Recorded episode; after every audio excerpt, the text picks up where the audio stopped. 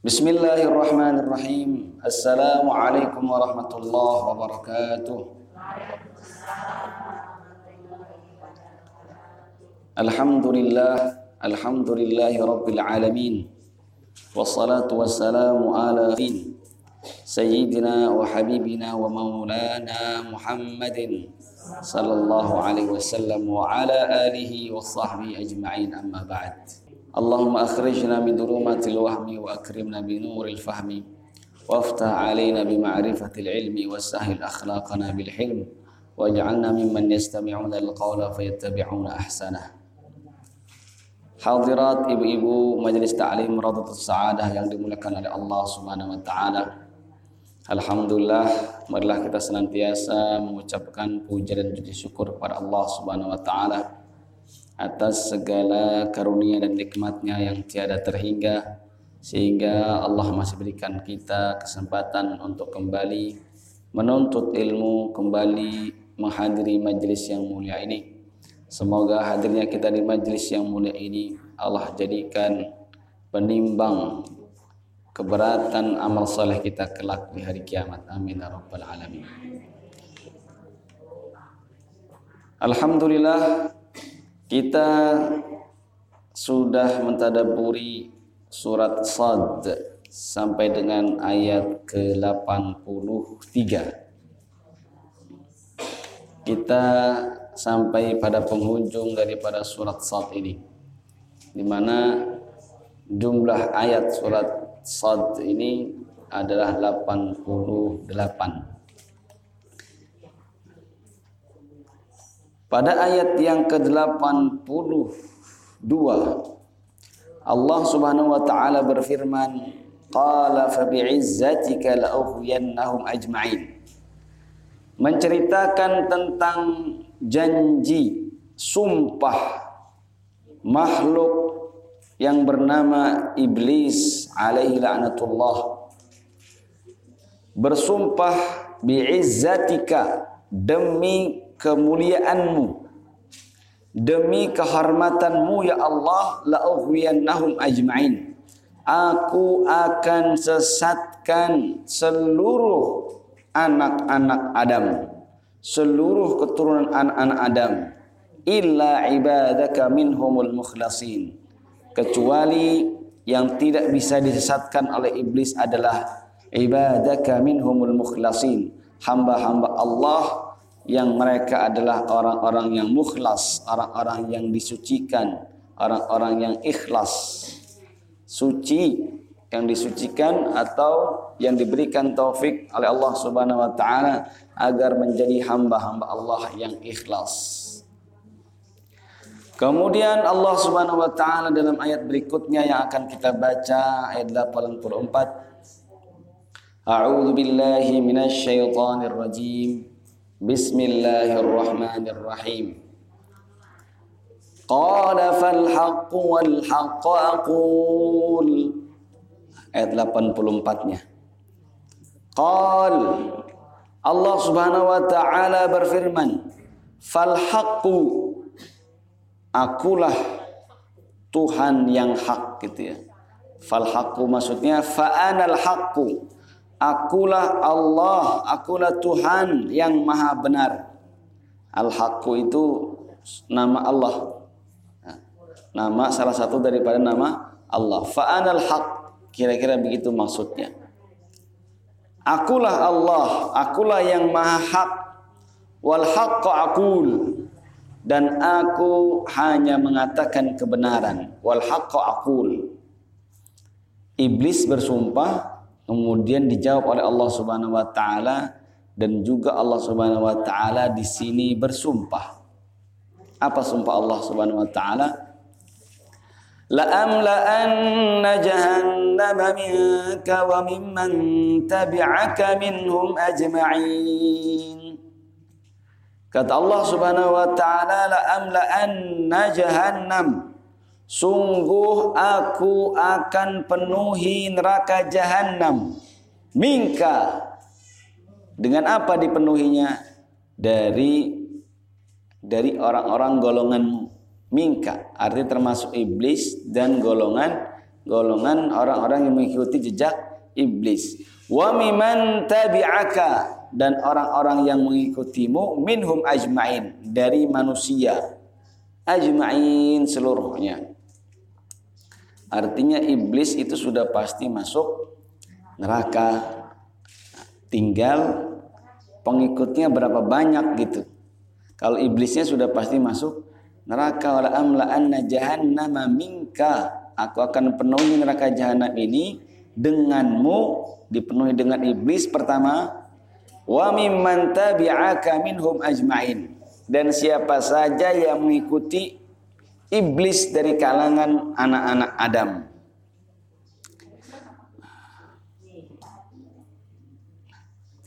maka dari sini kita harus mengambil pelajaran mengambil kehati-hatian jangan sampai kita mengikuti langkah-langkah iblis. Langkah iblis. Langkah iblis yang pertama apa? Sombong. Langkah iblis yang pertama adalah sombong, merasa dirinya lebih mulia dari orang lain, merasa dirinya lebih lebih kaya, lebih terhormat, lebih baik amal solehnya dari orang lain. Itu adalah langkah pertama iblis. Kalau sudah sombong biasanya ke sana sananya juga tambah nah, tambah nggak benar, tambah macam-macam. Ya pertamanya ngerasa dulu gitu ya. Kalau sudah sombong zalim biasanya. Kalau sudah sombong biasanya zalim. Orang yang zalim kan karena dia sombong. Ya. Kalau duduk nggak mau bareng sama yang orang-orang biasa yang tidak punya kalau lagi misalkan di restoran kurang dilayani, sebentar ditinggal, dipanggil pelayan yang nggak datang langsung ngamuk-ngamuk gitu ya. Karena merasa ngerasa dirinya merasa harus dihormati kalau tidak ada yang menghormati dia marah. Itu salah satu perilaku yang dicontohkan oleh iblis. Nah, kita kalau pernah begitu ya kita istighfar lah ya yang istighfar insya Allah istighfar kita menghapus dosa kita amin ya rabbal alamin wa miman tabi'aka minhum ajma'in. Yang mengikuti iblis akan ikut bersama iblis di neraka jahanam berulang-ulang di pengajian-pengajian saya sering sampaikan. Di sini juga saya kira oh berapa kali saya sampaikan. Seringan-ringannya azab neraka gimana Bu? Seringan-ringannya azab neraka orang memakai alas kaki yang terbuat dari bara api neraka. Saking panasnya yang injek kaki yang mendidih otaknya, ubun-ubunnya. Set diinjak langsung mendidih otak otak ubun-ubun ubun-ubunnya. Saking panasnya api itu. Kalau api dunia yang dibakar rambut, yang kebakar rambut, yang kebakar kaki, yang kebakar ya kaki saja tapi kalau api neraka kaki yang injak api yang mendidih ubun-ubunnya otaknya sehingga orang yang kena azab begitu nanti di neraka merasa oh ini azab paling pedih. Kayaknya ini azab paling dahsyat. Padahal itu azab paling paling ringan. Dia mikir ini azab luar biasa paling dahsyat. Kayaknya nggak ada lagi azab yang lebih pedih daripada ini. Padahal itu azab paling ringan. Terus gimana kalau yang lebih berat lagi Na'udzubillah. Nggak kebayang tidak bisa terbayangkan oleh akal manusia ada azab yang lebih pedih daripada itu. Nggak kebayang. Nah, padahal ya ya arti kita sekali aja nggak bakal sanggup. Sekali nginjek aja nggak sanggup. Kira-kira sekali nginjek terus kemudian mendidih itu berapa lama? Sedetik langsung ya. Habis. Gosong badan kita. Wa kullama nadijat juluduhum badalnahum juludan ghairaha. Kata Allah Subhanahu wa taala kalau sudah gosong matang diganti lagi badannya baru lagi suruh injak lagi. Gosong lagi ganti lagi badannya kulitnya tulangnya diganti lagi seperti baru injak lagi terus begitu. Berapa lama? Tergantung dosa. Dosanya berapa lama sampai bersih.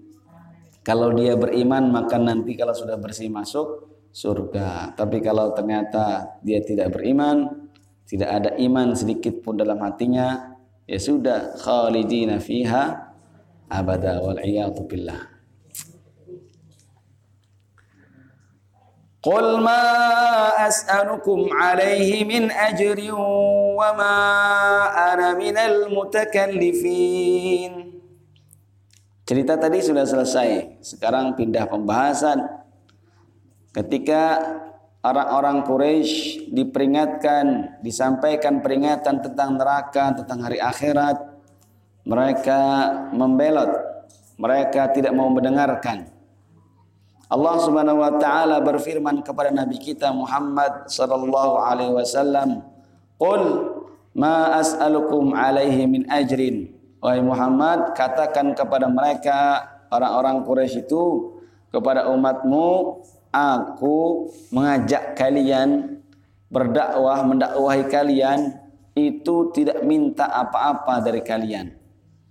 Bukan mengharap diberikan secuil dunia, secuil upah min ajrin. Ma as'alukum alaihi min ajrin. Katakan wahai Muhammad, aku tidak meminta sedikit pun dari kalian atas dakwah ini sedikit upah. Wa ma ana minal mutakallifin dan bu aku bukanlah orang-orang yang mengada-ngada. Mengada-ngada itu maksudnya apa? Mutakallifin, mengada-ada. Artinya Rasulullah SAW hanya menyampaikan apa yang beliau ketahui dari Allah Subhanahu Wa Taala. Allah turunkan wahyu kepada Nabi Muhammad itu yang disampaikan. Artinya Nabi Muhammad SAW tidak menyampaikan apa-apa wahyu, pengetahuan, informasi yang dibuat oleh dirinya sendiri. Nabi Muhammad menyampaikan itu hanya berdasarkan ilmu dan wahyu yang dikasih oleh Allah Subhanahu wa taala. Jadi Rasulullah SAW tidak mengada-ngada. Tidak mengada-ngada. Mutakallifin artinya membuat mem, membuat buat sesuatu yang yang tidak ada menjadi ada gitu. Mutakallifin.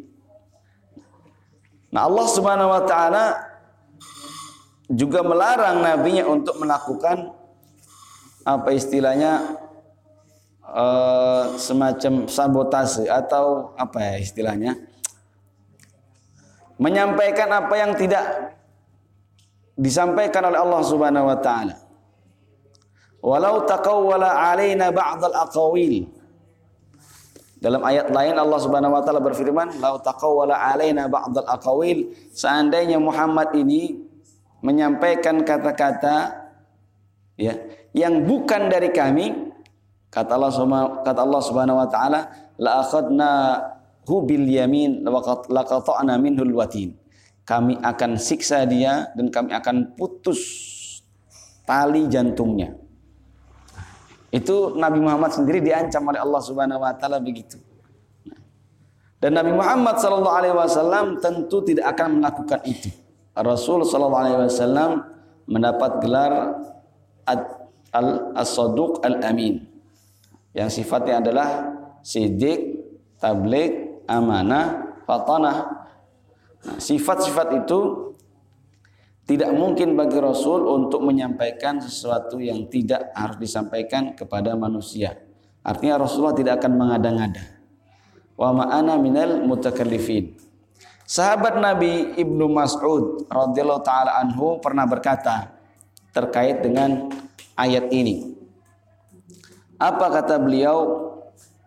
Suatu ketika para muridnya datang ke Uhud kemudian duduk di majelisnya dan Ibnu Mas'ud mengatakan sebuah ungkapan. Ibnu Mas'ud berkata, "Ya ayuhan nas, man alima syai'an falyaqul bihi."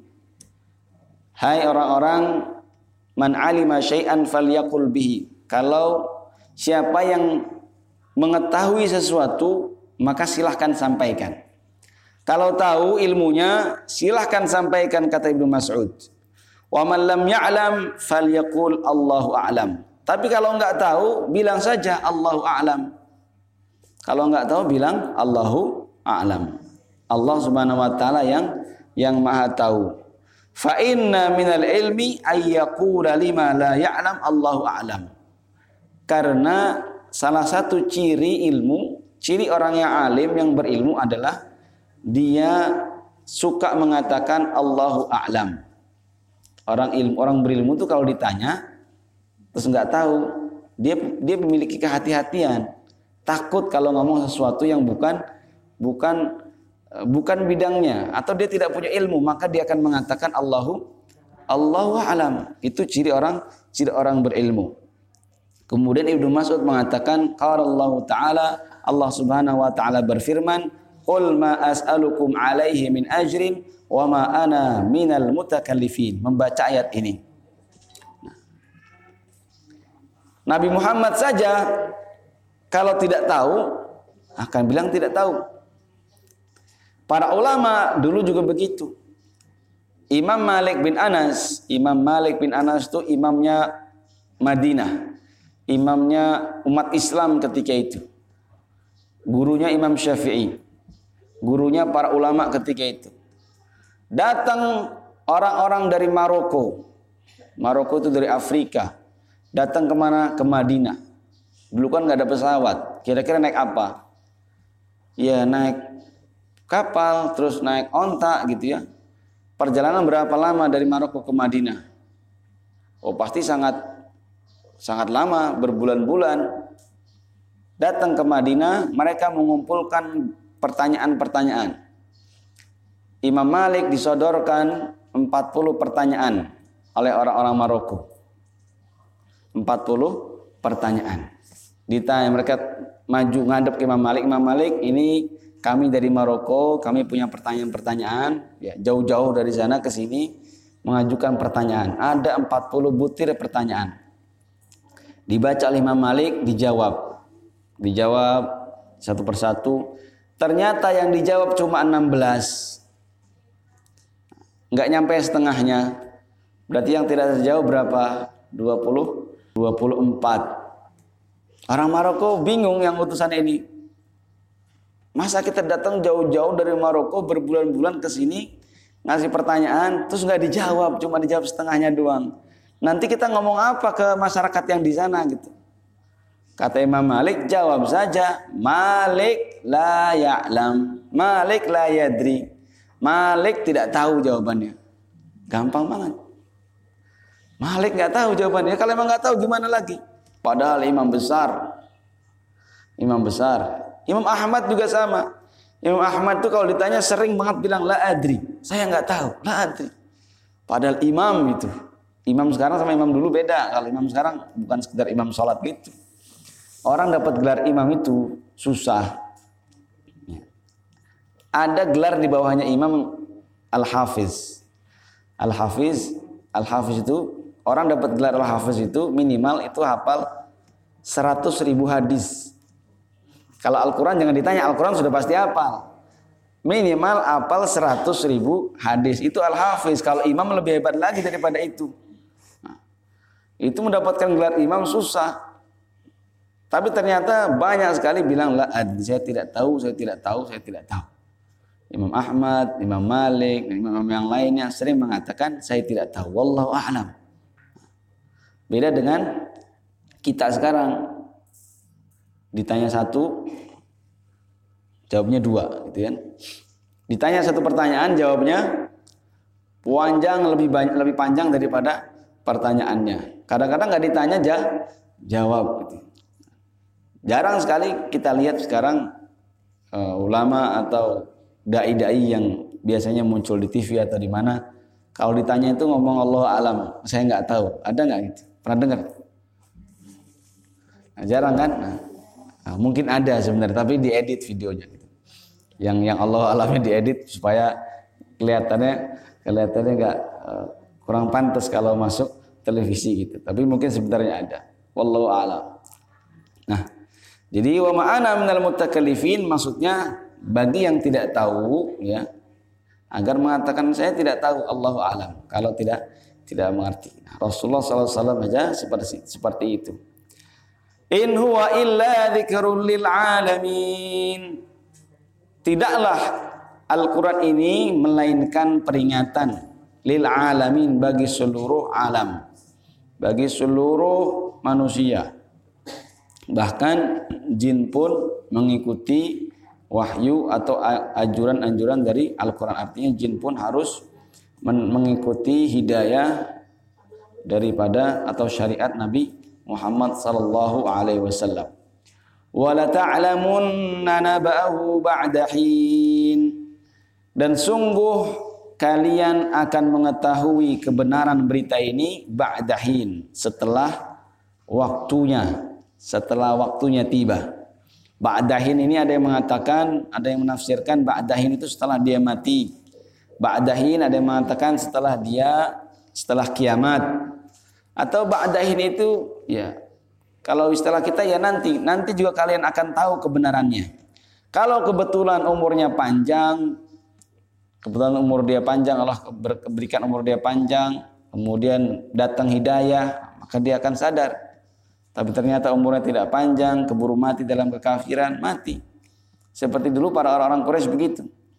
Ada yang dulunya kafir, memerangi Nabi Muhammad wasallam, memusuhi Nabi Muhammad wasallam.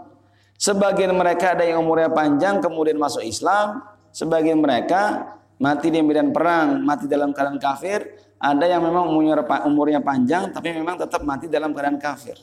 Macam-macam. Seperti Abu Sufyan radhiyallahu taala anhu. Abu Sufyan musuh Islam tadinya. Jenderalnya perang perang perang Uhud dia jadi jenderal di situ, perang-perang macam-macam dia pemimpin orang-orang musyrikin Quraisy memerangi Nabi Muhammad sallallahu alaihi wasallam. Tapi ternyata di akhir hidupnya Abu Sufyan berislam, masuk Islam. Dan Islamnya bagus. Islamnya bagus, artinya meninggal dalam keadaan husnul husnul khatimah. Ikrimah juga ada Ikrimah anaknya Abu Jahal. Dulunya memerangi Islam. Dia bagian daripada uh, perang Uhud juga membunuh banyak umat Islam. Tapi ternyata setelah Fatu Makkah dia masuk Islam. Sofwan bin Umayyah juga sama terus banyak seperti itu. Tapi banyak juga orang-orang yang tidak mati dalam keadaan Islam wala ta'lamunna naba'ahu ba'da dan sungguh kalian akan mengetahui kebenaran Al-Quran ini setelah beberapa waktu. Setelah mati jelas tahu. Apalagi nanti di hari di hari kiamat. Kita akan mengetahui benar tidaknya secara yakin azab kubur kapan? Ya setelah kita mati. Kalau sekarang kita ngomong-ngomong ya ngomong saja, dengar saja, yakin memang yakin. Tapi kita tahu pastinya ainul yakinnya kapan? Setelah kita melihat kenyataan. Oh ternyata benar ya dulu kata para kiai hidup itu sebentar, ya kan? Hidup itu sebentar. Maka tadi kalau kita ngomong neraka itu, ya Allah, neraka negeri akhirat itu kan kekal selamanya. Yang kita sampaikan beberapa kali, ya satu hari di akhirat itu setara dengan setara dengan berapa bu? Seribu seribu tahun di dunia ini. Satu hari di akhirat setara dengan seribu tahun di dunia ini. Kalau kita mikirin azab neraka yang kayak tadi aja, itu udah hilang satu menit kalau seribu tahun. Kalau setengah hari lima ratus ribu, lima ratus ribu tahun. Itu belum nutup untuk kita menikmati keindahan apa namanya untuk untuk kita bayar dengan kenikmatan dunia ini. Jadi orang-orang yang menikmati kenikmatan dunia ini dengan bermaksiat, dengan menzalimi orang lain, maling, korupsi, kaya raya, mengeruk harta orang lain, negara dikeruk, dieksploitasi dan sebagainya, ngumpulin bermiliar-miliar, bertriliun-triliun. Cuma sebentar banget Tiba-tiba nanti dia mati masuk alam kubur dapat siksaan. Nunggu lama dia. Bisa jadi yang dia tunggu nanti di azab kubur itu lebih lama daripada hidupnya di dunia. Kita nggak tahu kiamat kapan bangkit. Nggak tahu. Yang sudah mati 100 tahun yang lalu, sekarang sudah lewat 100 tahun, Padahal hidupnya nggak nyampe 100 100 tahun. Jadi jangan sampai kita turul amal. Turul amal itu artinya apa? Panjang panjang harapan. Panjang harapan. Sekarang kan ini ibu-ibu nih, kira-kira masih turul amal nggak? Masih panjang nggak harapannya? Panjang harapan tuh gimana? Masih ngebayangin, oh seakan-akan saya masih hidup 50 tahun lagi, 60 tahun lagi. Masih mengharap-harapkan misalkan ah, sekarang hidup saya memang susah nih. Siapa tahu nanti dapat mantu yang kaya raya gitu ya. Habis itu dikasih mobil, dikasih rumah. Itu panjang, itu namanya panjang panjang amal. Turul amal. Harap-harapan. Udah berharapnya akhirat saja sebentar lagi. Siapa tahu sebentar lagi kita mati. Termasuk saya juga nggak ada yang menjamin akan hidup sampai 50 tahun atau 60 tahun. Bisa jadi mati besok. Jadi yang harus kita persiapkan itu bagaimana agar amal kita cukup untuk menjadi bekal kita mengaruhi kehidupan akhirat yang sangat panjang itu. Sangat-sangat panjang. Ada saya punya kenalan jamaah di masjid kita di masjid di eh, Sarang Sawah di Jakarta. Kalau selalu cerita itu cerita mati aja. Umurnya sudah eh, 69 kalau nggak salah. Atau maaf 65 dia bilang, Pak Ustadz saya ini sudah berkali-kali mimpi mati. Udah berkali-kali mimpi, mimpi mati. Oh hebat sekali berkali-kali mimpi mati. Udah mimpi mati itu pernah bu ngerasain mimpi mati. Mimpi mimpi dikubur, mimpi di jadi selalu bilang ke saya, saya ini sudah nggak mau apa-apa Pak Ustadz. Udah nggak pengen apa-apa. Nggak pengen apa-apa di dunia ini. Pengen jalan-jalan nggak pengen, makan-makan yang enak nggak pengen, kawin lagi apa lagi gitu. Nggak mikirin. Pokoknya mikirnya buat bekal di akhirat saja. Maka hidupnya tuh suka kerjaannya nolongin orang, bantuin orang gitu. Kalau ada yang jualan, dibantu promosiin. Tapi nggak minta untung, dibantu promosiin, diambil barangnya, dibeli, disampaikan ke yang beli, uangnya diambil, dikasihin ke yang belinya. Itu nggak ngasih apa, dikasih untung saya nggak mau apa-apa katanya. Saya nggak mau apa-apa. Karena apa? Artinya sudah sudah putus harapan dengan dunia ini hanya mengharapkan akhirat saja. Karena dia tahu persis sebentar lagi hidupnya. Kita ini kalau setiap setiap hari mikir sebentar lagi hidup kita, itu benar amal kita. Itu amal kita akan benar. Jadi kalau orang tiba-tiba bayangkan kalau kita misalkan nanti malam atau tadi malam ada yang datang kepada kita, mungkin sosoknya seperti malaikat gitu, datang kepada kita. Misalkan datang ke siapa di sini ya? Ada yang mau dicontohkan di sini? Kepada Bu Didi misalkan ya. Bu Didi besok Bu Didi mati gitu. Kira-kira apa yang akan dilakukan? Itu pertanyaannya. Ayo, Bu Abu besok mati gitu. Kira-kira apa yang akan dilakukan sekarang? Langsung ambil wudhu, ambil mukena gitu kan? Bener gak? Salat, baca Quran, sedekah, siap-siap. Kalau tahu mati. Padahal kita juga sekarang tidak tahu persis kalau besok itu masih hidup apa enggak. Benar enggak?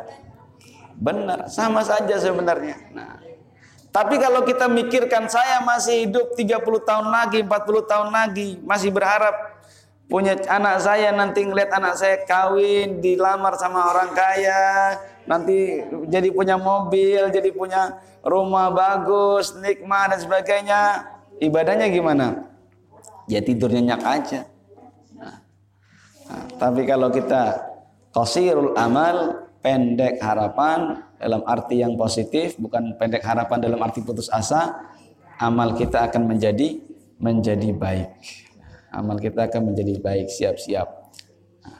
Baik, ini sudah sampai penghujung surat As-Sad. Nanti pada pertemuan yang akan datang insya Allah kita akan masuk kepada surat Az-Zumar. Surat Az-Zumar ini surat Makkiyah, surat yang turun di Mekah kecuali yang ayat 53. Qul ya ibadilladzina asrafu ala anfusihim la taqnatu min rahmatillah dan seterusnya. Insyaallah kita akan mulai mentadaburi surat Az-Zumar pada pekan yang akan datang. Wallahu a'lam bishawab. Sadaqallahul adzim wa sadaqa rasuluhun nabiyul karim wa nahnu ala dzalika minasyahidin. Walhamdulillahirabbil alamin. Kita berdoa kepada Allah Subhanahu wa taala semoga Allah Subhanahu wa taala menjadikan kita semua hamba-hamba Allah yang saleh, yang mukhlasin, yang terbebas daripada pengaruh iblis, setan dan sekutunya. Dan Allah jadikan kita hamba-hamba yang senantiasa istiqamah di jalan Allah Subhanahu wa taala senantiasa berbuat baik, senantiasa ingat Allah, zikir dan berdoa kepada Allah Subhanahu wa taala. Kita berdoa kepada Allah Subhanahu wa taala agar yang sakit dari kita Allah sembuhkan, yang terkena musibah dari kita Allah berikan jalan keluar dan Allah berikan kesabaran dan semoga Allah Subhanahu wa taala segera mengangkat wabah penyakit dari negeri kita ini dan seluruh negeri umat Islam. Ala hadiniyah wa ala kulli niyatin salihah إلى حضرة النبي المصطفى رسول الله صلى الله عليه وسلم. الفاتحة. أعوذ بالله من الشيطان الرجيم. بسم الله الرحمن الرحيم. الحمد لله رب العالمين. الرحمن الرحيم. مالك يوم الدين. إياك نعبد وإياك نستعين. اهدنا الصراط المستقيم. صراط الذين أنعمت عليهم غير المغضوب عليهم ولا الضالين. آمين.